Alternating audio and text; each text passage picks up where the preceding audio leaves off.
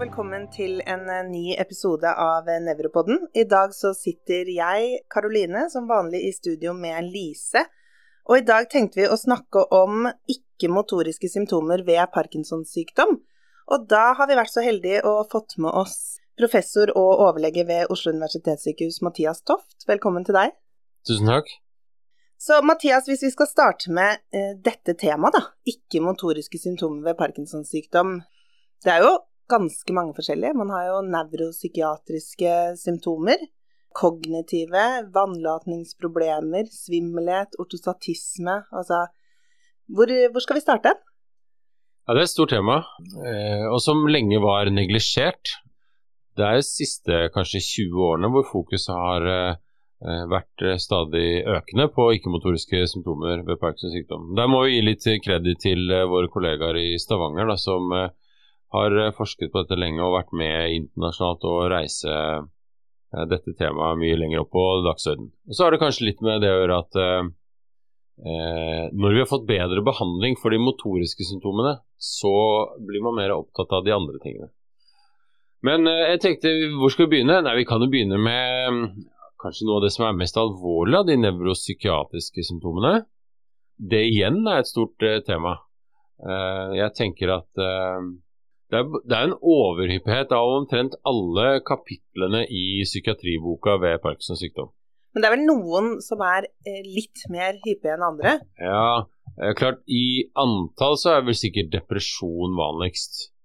Studier har vist at depresjon eh, er klart mer vanlig ved Parkinsons sykdom enn ellers. Interessant nok så virker det som det er ganske vanlig med mild til moderat depresjon, men alvorlig depresjon er ikke så vanlig. De får liksom milde depresjonssymptomer, men det blir ikke så alvorlig. Men kommer det her Kommer det tidlig i forløpet av sykdommen, eller er det her noe som kommer senere? Ja, Det kan være begge deler. Det er, det er til og med studier som viser at uh, det er hyppigere med depresjon i de siste årene før du får diagnosen Parkinsons sykdom, enn i den normale befolkningen. Så da kan man jo tenke seg at det kanskje er hos noen kan være en slags uh, start da, men er det vanlig at de, eh, at de kommer med de her symptomene før de får de motoriske? Dette er ting som man har undersøkt i med større undersøkelser. Det er jo vanskelig å Man skjønner jo ikke at det kanskje er et ledd i Parkinsons sykdom før du faktisk har fått de motoriske symptomene. Så det, så, så det blir jo vanskelig å, å, å, finne ut av det. Men, men det er liksom interessant å tyde på at depresjon med Parkinsons sykdom har mange årsaker. altså Det kan jo selvfølgelig være en reaksjon på å få en alvorlig diagnose, på å ha en kronisk sykdom. Det kan være andre ting i livet som skjer. Men også det at det har noe med eh, sykdom i seg selv å gjøre, at de forandringene som skjer i hjernen, er med på å disponere for depresjon. Pleier du å spørre spesifikt om det, om de er nedstemt eller Ja, det pleier jeg. Jeg spør hvordan humøret er, om man er nedstemt. Og mange har en viss grad av det, men det er litt vanskelig å vurdere også.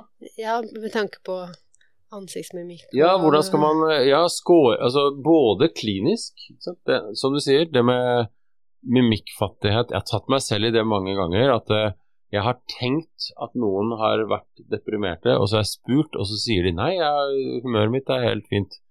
At de eh, ser litt deprimerte ja. ut, rett og slett? Snakker, mon ja. jeg opplevd òg. Snakke monoton stemme, har lite mimikk.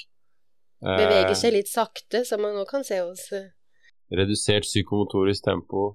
Og, og det gjelder også skåringsverktøyer. Så, så, noen av de studiene som har måte, antydet at det er en veldig stor andel av Parkinson-pasientene som har depresjon, da tror jeg man må være litt kritisk, fordi at det er den type somatiske plager også påvirker de skåringsverktøyene, sånn at Parkinson-pasientene skårer høyt egentlig uten at det har noe med humøret å gjøre. Da.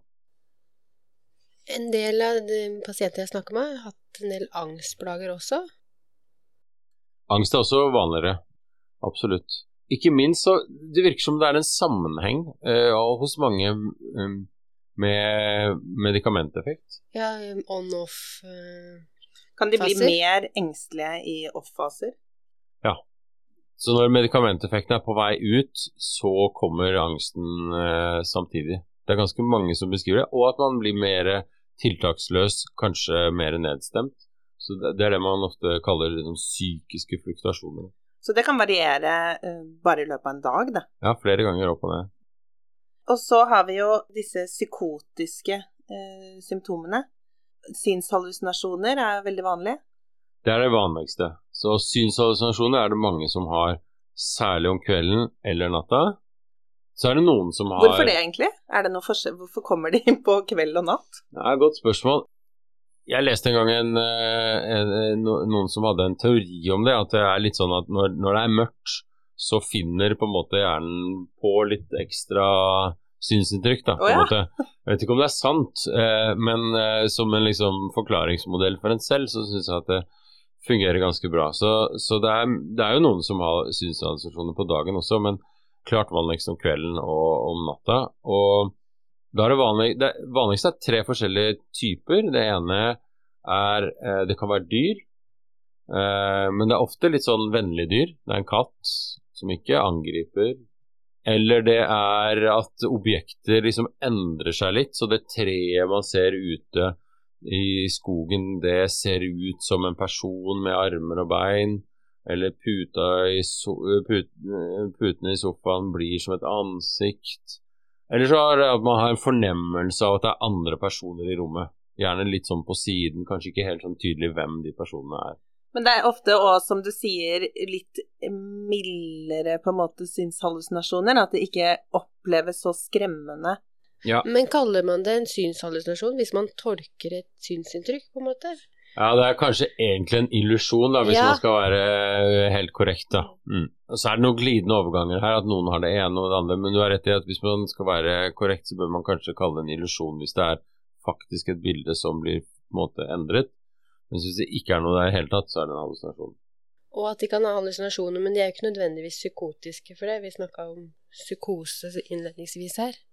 Det er jo uh, litt avhengig av hvordan man bruker de begrepene, kanskje. Altså I engelsk litteratur så snakker man veldig ofte liksom, om, om, psykotiske symptomer. Da. Og da mener man liksom enten hallusinasjoner eller vrangforestillinger eller Og det, og det finnes jo andre, andre språklige forstyrrelser og sånn som også er en del av psykose. Men, men opplever du at uh, pasienter er veldig skremt av det her, eller blir de ofte litt vant til disse mange, har, mange, kjenner igjen at det er mye av de samme eh, opplevelser gang til gang, så det ikke er så skremmende.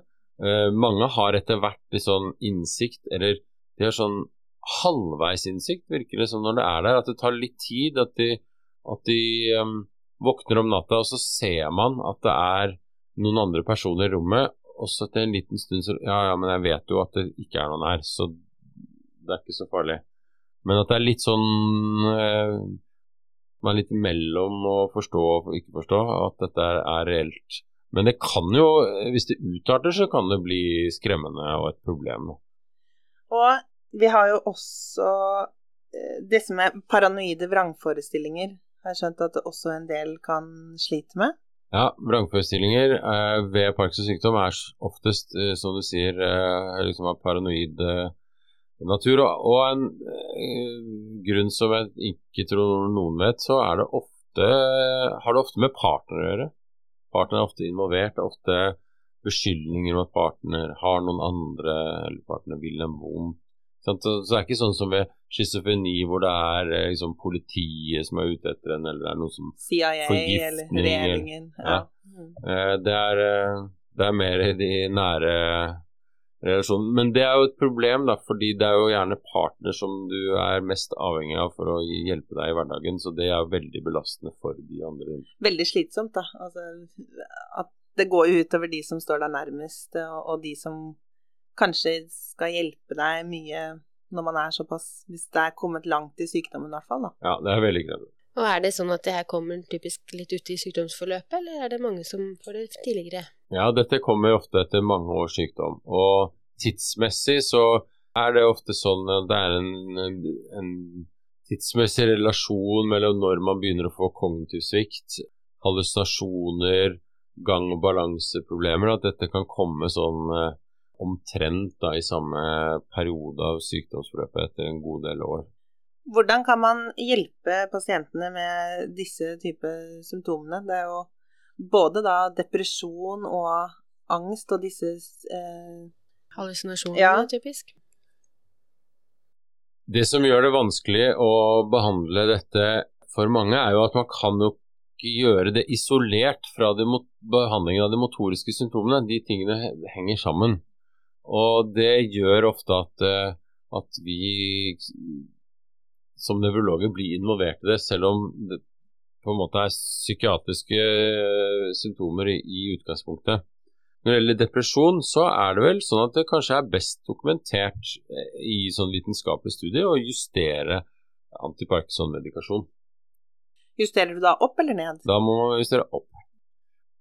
Så dopaminagonister er, har, eh, er i hvert fall vist i studier at er effektive, mens mange klassiske antidepressiva er, har dårlig dokumentert effekt på Parkinsons sykdom. Så det er det du starter med, da, hvis eh, de kommer inn med, med depresjon. eh, At du oppjusterer dosen og ser hvordan det fungerer først. Riktig. Hva med eh, de psykotiske symptomene, da? Ja, da blir det litt motsatt. Så da er jo Man kan jo si at dopaminerge medikamenter er jo på en måte det motsatte av eh, antipsykotika. Så det er jo på en måte psykotika. Så det er ikke lurt. Men så kan Så det første eh, det blir jo å redusere. Og ah, dopaminagonistene, må, hvis man bruker det, de må reduseres først. For de er mest potente eh, til å gi psykotiske symptomer. Så de må reduseres eller eh, seponeres. Og så må man på en måte redusere dosen av andre medisiner så mye man kan. Men det kan man jo ofte ikke gjøre så veldig mye. Og hvis ikke det er nok, så må man vurdere bruk av antipsykotika. Så det er jo først å på en måte finne eh, Det har du snakket om litt før, men sånn den gylne middelvei, eller eh, med tanke på medisiner og eh, disse symptomene, da. Og så hvis ikke man kommer i mål der, for det kan jo være Går du ned på disse medisinene, så vil jo motoriske symptomer forverre seg, og motsatt, da. Så, og da kan man gå over til antipsykotika til Ja. slutt, hvis ikke man Man må, det, er, det er veldig behandling av liksom sånn fremskreden Parkinsons sykdom. Det er ofte liksom balansering av ulike hensyn mot hverandre. Men du har helt rett, man kan forsøke antipsykotika ved, ved hallusinasjoner eh, og leveranseforestillinger. Det er ikke så veldig godt dokumentert, effekten. Studiene har vært ganske eh, negative. Vi bruker jo ofte kvetiapin først, men studiene har ikke vist at det virker så bra.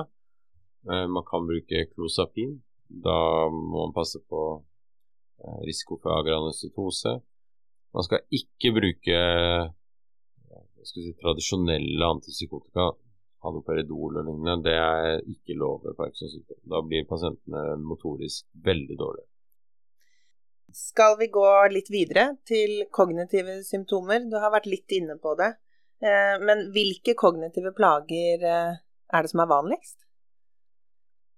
Kognitive plager ved, ved, ved Parkinsons sykdom kan jo være på flere eh, Eller påvirke ulike såkalte liksom, kognitive domener. Men det vanligste er det som kalles eksekutive funksjoner. At det er de som er rammet. Det er jo et litt sånn begrep som ikke kanskje sier noe i seg selv. Eksekutive funksjoner, hva er det? Men det handler jo om litt sånn høyerestående funksjoner som planlegge aktiviteter, gjennomføre planlegge ting som har en sekvens med mange eh, Er det litt sånn eh, daglige aktiviteter som du gjør hjemme? ja, hvis man På eksempel, og sånn? ja, hvis man skal eh, lage mat etter en oppskrift hvor det er mange ting etter hverandre, hvis du skal bestille noe på nettet, må logge deg med nettbanken, så må du gjøre sånn og sånn og sånn. Eh, du skal eh, Du krever en, liksom, en sånn mental struktur at man holder også må du, må du holde oppmerksomheten din noe ganske lenge, da. Og da stopper det ofte opp, så man ikke kommer Pasientene de, de, de kommer aldri til mål. De blir ikke ferdig. Er de såpass observante selv at de kommer og forklarer det her problemet? Kommer de ofte og, og forteller om det, eller må man spesifikt spørre? Nei, og det er noe som eh, Dette må man eh, spørre om spesifikt, og gjerne til pårørende. Og det er også sånn at en del av de verktøyene som man bruker for å undersøke kognitiv funksjon, mest typisk av MMS, fanger ikke opp dette. Og det er, ikke det, det er kanskje ikke det folk flest uh, forbinder med kognitive funksjoner heller. Det er veldig mye fokus på hukommelse når det gjelder kognitive funksjoner. Så hvis man spør, uh. Hvis man spør en, en pasient er om hvordan er hukommelsen, så vil jeg si at den er bra. For hukommelsen er bra, men det er ikke det som er problemet. Så det er litt forskjell fra andre, andre demenssykdommer, da? Som Alzheimer, eksempel, skiller seg litt. Ikke sant? Så ved Alzheimer så er det jo hukommelse, eller kanskje egentlig innlæring, da, hvis man skal være riktig, lære nye ting, eh, som er det aller dårligste eh, funksjonen og mest påfallende. Så det jo veldig annerledes. Så forverring av kognitiv funksjon, men en del var jo kognitiv svikt og demens. Hvor mange av dem er det som får det? Det er jo Noen har jo en grad av kognitiv svikt allerede ved debut av sykdom, eller diagnosetidspunkt. Kanskje 20% ifølge norske studier fra Park West-studien. Og så tar det litt lengre tid da, før det er noen som begynner å utvikle demens. Men eh, tallmessig tror, Man kan jo si at uh, en måte å se det på er at flertallet av de som har Parkinsons sykdom, får demens før de dør. Og det er mye vanligere enn i befolkningen generelt. Men på den annen side så er det jo sånn at de fleste som får demens ved Parkinsons sykdom, har jo også begynt å få ganske høy alder, og det er i livets sluttfase man får det. Men, men, det er veldig vanlig. Og det syns jeg ikke jeg at vi skal underslå hvis pasientene spør, eller mer som hvis man holder foredrag eller snakker på pasientorganisasjoner og sånn, så er det jo dette er noe som mange er opptatt av, og pårørende, men som er vanskelig å snakke om. Er det noe spesiell behandling for det her, da? Kolinestrasehemmere, som også brukes ved Alzheimers sykdom, har eh, kanskje minst så god effekt ved Parkinsons sykdom med demens som ved Alzheimer. Så du starter pasienter på det? Ja. Eh, hvis pasienten utvikler kognitiv svikt, får det noen konsekvens for dem når det gjelder valg av videre behandling? Da er man jo i den samme fasen som vi snakket om i stad, hvor det er høy risiko for å få hallusinasjoner bl.a. Så hvis, man, hvis jeg ser at pasienten er i ferd med å komme i den fasen, da pleier jeg å trappe ned og fjerne dopaminagonister. For det, det, det blir på en måte alltid trøbbel. Vannlatingsplager er det en del som snakker om. Hva slags type vannlatingsbesvær er det som eh, denne type pasienter ofte får? Det er veldig vanlig. Det som er vanligst, kanskje, er jo at man har nokturi, at man må opp eh, på toalettet om natta. Men det som er kanskje mest plagsomt og viktigst, det er eh, urge inkontinens eller overaktiv blære, hvis man skal bruke et mer sånn folkelig uttrykk, hvor man har både hyppig vannlating og veldig hastverk da, for å nå fram til toalettet. Og det kan være veldig uttalt eh, hos en del, hvor man får eh, mange mange vannlatinger i løpet av en dag med veldig hastverk, og da inkontinens eh, i, um, i, tillegg. Og det er sosialt veldig sjenerende og plagsomt, og jo, legger store begrensninger på hva man kan gjøre i det daglige. Og det, dette får de kan de få ofte ganske tidlig òg. Ja, dette kan være tidlig. Ja. Så det er jo veldig mange som er uh, plaget med det. Um, har vi noe Eller hvor, hvorfor får man det her, egentlig? I, ved Parkinsons sykdom? Det er meninga vi skal stille. ja, det er uh, Det er jo sånn at man finner patologi ikke bare i hjernen ved Parkinsons sykdom, men også i det perifere nervesystemet da blir det reguleringen av blærefunksjon som, eh, som eh, er påvirka først og fremst perifert, tror jeg, da. Går det like mye på tarm? Altså, Har de like mye tarmproblemer? Ja, absolutt. Og treg mage er veldig vanlig. Det er til og med noen som har lurt på om det, er, eh, liksom, det alle, kan være det aller første tegnet på at du er i ferd med å få Parkinsons. Altså, akkurat som jeg nevnte i stad med depresjon, at noen har depresjon eller en overhyppighet av depresjon før du får motoriske symptomer, så er det det samme med, med liksom eh, obstipasjon, eller i hvert fall sjeldnere eh, avføring. Så det er eh, obstipasjon de ofte plages ja. med? Ja. Men er, plages de mye med diaré da, eller er det ikke så mye plagsomt? Nei, vanligvis ikke. Det er obstipasjonen som er problemet. Og er, da har du en redusert tarmmotilitet, og det igjen er samme årsak at man kan se at det er patologi i liksom, tarmpleksus, da, myntericus, så, så, er det godt kjent at det blir påvirket av på måte, selve sykdomsprosessen. Da. I tillegg til at det blir, det blir ikke bedre at du er eh, Mange er eldre, langsomme bevegelsene, mindre mobilisert, drikker kanskje mindre for man har så blir det jo multifaktorelt, men det er også sykdommen i seg selv. Mm.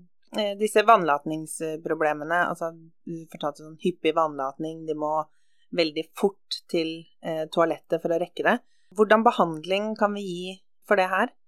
Det, hjelper det å opp- eller nedjustere eh, Parkinson-behandlingen for dette problemet, eller? Ikke noe særlig. Det fins vel noen rapporter om det, men det er jo først og fremst bruk av de samme medikamentene som man bruker ved, ved urge-inkontinens uh, hos uh, andre pasientgrupper. De har også effekt. Altså muskarinreseptorantagonister og Be Betmiga? Ja, det er sånn beta-3-agonist, tror jeg. Vesiker, er det Det er en uh, muskarinreseptorantagonist. Problemet med de er at de kan nå gi kognitive bivirkninger. Så det man, uh, valget av det ene eller andre her kan påvirkes av det. Men ellers så Effekten er nok bra hos mange av, av alle de tilgjengelige medisinene. En, en, noe annet som også har blitt rapportert at de plages med, er jo sånn seksuelle plager. Spesielt kanskje erektil dysfunksjon hos menn. Eh, har du noen erfaring med det? Det er, eh, det er, vanlig. Det er jo noe som er et uh, problem som øker med alder hos menn uansett, men, og, men, men det er uh, vesentlig vanligere ved Parkinsons sykdom enn i den normale befolkningen. I tillegg så kan det også være problemer med ejakulasjon så det er ikke bare ereksjonssvikt. Men dette kan jo behandles. Det er mange grunner til å tro at behandling med, med sildenafil og tilsvarende medisiner kanskje er vel så effektivt for de som har en si, nevrologisk årsak til ereksjonssvikt, som de som har andre, f.eks. hvis det er karpatologi ved diabetes eller så, så, så, det er det en del som eh, foran meg. Men det er jo blitt såpass lett å få tak i. Det behøver jo ikke resept av lege. sånn at det, det, tror jeg går litt sånn utenom oss også, hvis ikke vi spør selv, i hvert fall veldig aktivt. Ja, for det er kanskje litt uh, Det er jo kanskje, litt, ja, å ta opp. Altså at det, man ikke får det helt ut av pasienten hvis ikke man faktisk graver etter de problemene. Ja, det er vel litt sånn tabu både for lege og pasient ja. å snakke om. Og så kan det jo hende at en god del av av mennene som har ereksjonssvikt, ikke nødvendigvis kobler det til Parkinsons sykdom, så de spør ikke, men nå spør man fastlegen om, eller, eller noe man kan kjøpe på apotek uten, uten resept. For kvinner, da, pleier de å ha noe problem med det her? Det er grunn til å tro det, men det er veldig uh, lite informasjon å finne om det temaet. Så det er jo kanskje enda mer tabubelagt, da. Når jeg tenker meg om selv, så, så snakker jeg kanskje enda mindre med kvinner eller pasienter om det som enn med menn. da, eh, Og jeg prøvde en gang å finne litt ut av det, om det finnes studier med noen tall og hvilke problemer som, som er vanligst. Men, eh, men, jeg klarte ikke å finne så veldig mye god informasjon, så det vet jeg ikke. Hm, nei, ikke jeg heller. Har det, Lise, har du eh, opplevd noe med det? Nei, nei, men jeg har jo ikke, jeg har ikke spurt spesifikt den pasientgruppen heller. Det er jo også mange som sliter med ortostatisme og svimmelhet. Det er vel veldig vanlig for denne pasientgruppen? Ja, og svimmelhet er jo litt sånn Det er jo litt vanskelig ord på norsk. Altså, det favner så mye. Hva er Det blir liksom det første. Hva mener du når du sier at det er svimmel? Er det det at du blir ør når du reiser deg opp? Er det at verden går rundt? Er det egentlig at du bare har dårlig balanse, som en del måtte blander inn i dette? Eh, eller er det en sånn helt sånn diffus uh, følelse som er vanskelig å karakterisere? Men det som er liksom typisk ved Parkinsons sykdom, uh, som er en del av sykdommen, det er jo ortostatisme. Fordi at uh, sykdommen i seg selv gir lavere blodtrykk og forsinket respons når man reiser seg opp. Medisinene reduserer blodtrykket. Mest dopaminagonister, men også levodopa. Eh, Så en kombinasjon av de to gjør at du får enda lavere blodtrykk? Da. Ja. Så det er både medisinene og, og, sykdommen. Og da er det jo for noen det kan bli så lavt at man eh, svimer av hvis man ikke er veldig forsiktig når man reiser seg opp. Eller kanskje etter å ha vært oppe i to-tre minutter, så kan man få tendens til å, å få en synkope. Da. Eh, så da, hvis det går så langt, da må det i hvert fall gjøre noe med det. Ja, for først så kan man, hvis det er milde symptomer av det her, så kan man jo be pasienten sette seg på sengekanten, eh, sitte der litt, reise seg forsiktig opp, altså disse vanlige tingene man, man starter med. Passe på Men, at det ikke står på antihypertensiv. Ja, ja. Kanskje noe av det viktigste. Men eh, når man ikke kommer i mål sånn sett, og de fortsetter å kanskje ha problemer med å være veldig svimmel og svime av og sånn, hva, hva, slags behandling kan man gi de da? Nei, så Det er nok en sånn eh, finne riktig balansepunkt eh, mellom ulike hensyn. Eh, og da Dopaminagonistene skal reduseres først. De er mest potente blodtrykkssenkere. Så da må de reduseres eller seponeres. Ofte er det jo ikke så lett å gjøre så mye med levodopa, for man trenger det motorisk sett. Hvis det da ikke er bra nok med ikke-medikamentelle tiltak, så er det noen ganger at uh, man må ty til medikamenter som øker blodtrykket. da. Hvilke medikamenter er det? Altså Florinef eksempel, er det meste. Det, det øker jo Holder bare salt igjen i kroppen, så da øker blodtrykket sånn uspesifikt gjennom hele døgnet. Så finnes det andre, andre medikamenter som kan brukes hvis man trenger enda mer enn en det, da. Og det brukes for lite ser en god del pasienter som har hatt nærsynkoper og flere synkoper, og hvor ikke det har blitt vurdert. Da. Det tenker jeg det er mye farligere for en Parkinson-pasient å få en synkope, falle, brekke lårhalsen, bli operert, ligge i en seng, få pneumoni eh, som komplikasjon osv., enn en det å ha medikamenter som gjør at blodtrykket kommer til å være litt høyt kanskje da, i perioder, sånn som på natta f.eks. Den risikoen får man ta, tenker jeg. Og så til slutt søvnforstyrrelser. Ja, det er veldig vanlig. Det er jo også sammensatt. Det finnes jo mange, mange typer søvnforstyrrelser. Hva er det de sliter eh, mest med? Altså, du har jo både eh, disse søvnforstyrrelsene som gjør at du ikke klarer å sove på natt, eh, men også er det ganske mange som blir søvnige på dagtid. En ting som er veldig vanlig, men som er, er, like vanlig i den normale befolkning, det er jo problemet med å sovne inn. Så Det er ikke noe Parkinson-spesifikt. Men det som er mer typisk for Parkinson-sykdom, er problemet med at man våkner opp gjennom natta og ikke får sovne inn igjen. Så man har forstyrra søvn gjennom natta. Det kan jo også være veldig sammensatt. Det kan være at man må på toalettet. Men det kan være at man er stiv i kroppen, beveger seg lite. Man, ligger, man snur seg ikke i senga automatisk, sånn som man vanligvis gjør ellers. Og så våkner man av den grunn. Det kan være kramper i beina. Så man må, hvis det er et problem, så må man prøve å finne ut av hvorfor våkner pasienten, og se om man kan gjøre noe med det. Man kan ta en eh, kveldsdose med levodopa før man legger seg. Om man skal behandle vannlatningsforstyrrelsen. så det kan hjelpe å, ta en kveldsdose med mm. levodopa. Hvis det er det at man har problemer med å snu seg fordi man er ubevegelig i løpet av natta, så kan At man er litt underdosert på natta. Mm. Mm. Og så har du rett i, så er det helt andre ting. Så har du søvnhet på dagtid, som eh, kan være en medikamentbivirkning, men vel kanskje først og fremst er en konsekvens av å ha syk, hatt sykdommen lenge. Det er mye mer vanlig ettersom sykdommen har vart i mange år. At man sovner flere ganger i løpet av dagen. Mest risiko ved litt sånn eh, monotone eller passive aktiviteter. Da sitte på i bil, se på TV etter maten. Sånn som det er for oss alle andre, da, men det er bare at terskelen blir enda, enda lavere. Og så har man jo en uh, litt spesiell søvnforstyrrelse som er litt uh, typisk for Parkinsons sykdom. denne rem, er det ikke rem-søvnforstyrrelse, kaller man det det? Ja, så jeg tror det offisielle navnet på norsk er remsøvn atferdsforstyrrelse. Men det, det, betyr at uh, man har en forstyrrelse av remsøvn og remsøvn. Det er jo drømmesøvn, og i drømmesøvn så er man vanligvis lam. Da har du atoni hvis man måler uh, muskeltonus. Som antagelig er uh, noe som evolusjonen har funnet på fordi det er lurt å ikke bevege seg når man drømmer. Ikke få oppmerksomhet fra de ville dyrene når du ligger og sover.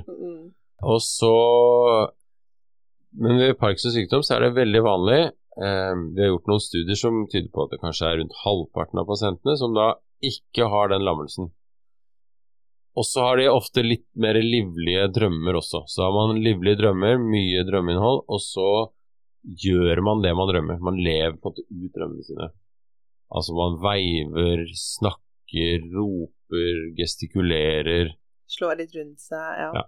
Mm. Er det ofte at de kan stå opp av senga, på en måte, eller er det hovedsakelig når de ligger? Nei, det er hovedsakelig når de ligger Og det er ikke alltid at pasientene selv er så veldig opptatt av det, eller merker det eller vet om det, eller de er i hvert fall ikke plaget av det. Men det er jo den som ligger ved siden av, da, som, som blir forstyrra, som, som får sin søvn forstyrra. Stort sett. Jeg har, vært, jeg har noen pasienter som har liksom Jeg husker en kar som fortalte at han var på, var på båttur. Eh, han hadde drømt at han var på båttur, og skulle stupe fra båten i vannet. Og da hadde han jo stått på sengekanten og stupt ned på gulvet. Da, det, da forstyrret det også hans søvn. Men det er sånne ekstreme, litt sånn morsomme historier. Eh, for de fleste så er det mer sånn mindre bevegelser som forstyrrer de som ligger ved siden av. Men, det, men du, er, du var inne på noe i stad som er veldig viktig. Dette er veldig, dette er veldig spesifikt for Parkinsons sykdom og leverlegedemens, eh, multisystematrofi, de tre tilstandene. Og så finnes det nesten ikke hos noen andre. Så det er veldig spesifikt for de tre tilstandene. Ja. Kan det komme, eller hvor- i sykdomsforløpet kommer det? det, det kan jo komme når som helst, men det kan komme veldig tidlig. Eller det kan komme mange år det, det, før man får noen tegn til parkinsonisme. Så det er en sånn Det er et fenomen som blir studert nå mye fordi det er en mulig veldig tidlig markør på at du i løpet av de kommende årene, eller kanskje så mye som 10-20 år før, kan dette dukke opp. Så det er en de som har denne søvnforstyrrelsen, men ikke har noe annet, de er en veldig sånn interessant gruppe for de som studerer hvordan sykdommen utvikler seg i hjernen. Det må være litt vanskelig å finne de her eh, pasientene, da.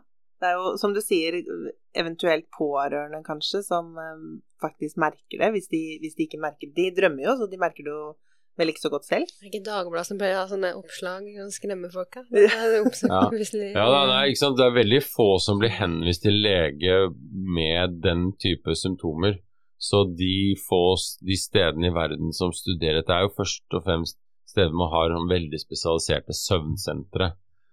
Men eh, jeg har bare sett par-tre sånne pasienter selv, og helt sånn tilfeldig nesten plukket, plukket dem opp. Men når vi spør en pasient som har fått diagnose Parkinsons sykdom, eller du spør eh, ektefellen, da, og, og man snakker om denne søvnforstyrrelsen og spør hvor lenge har det vart, så er det en del som sier ja, men det har hun hatt i mange år. Så de har, de har nesten ikke reagert på det, for det har vart så lenge. Nei, men eh, eh, jeg tror vi har blitt eh, veldig godt opplyst eh, i dag, egentlig, om eh, ikke-motoriske symptomer av Parkinsons sykdom, eller hva, Lise? Jo, fått en veldig fin oversikt. Har du noe mer du ønsker å spørre Mathias om? Nei, jeg syns jeg har fått dekka det jeg lurte på. Ja, Mathias, har du noe du vil tilfelle, eller er du fornøyd? Jeg kan jo bare tilføye at uh, i sum så er det Så, så bidrar jo de ikke-motoriske plagene til, til mye for livskvaliteten til pasientene. Eh, så jeg vil anbefale å bruke noen minutter i løpet av eh, konsultasjonen til å snakke om snakke om dette, identifisere hvilke plager pasientene har. Og så er jo fordelen her at veldig mange av de tingene vi har snakket om i dag, det er jo, der har vi jo tiltak. Vi kan gjøre noe med det. Man kan, det er behandling for Det mye finnes av det. behandling, og det setter pasientene ofte veldig stor pris på. Så dette er jo både noe som pasientene er opptatt av, og vi kan gjøre noe med. Så vi kan hjelpe dem med en del av de plagene her. Absolutt. Nei, men eh, tusen takk for at du kom og ble med i dag, Mathias.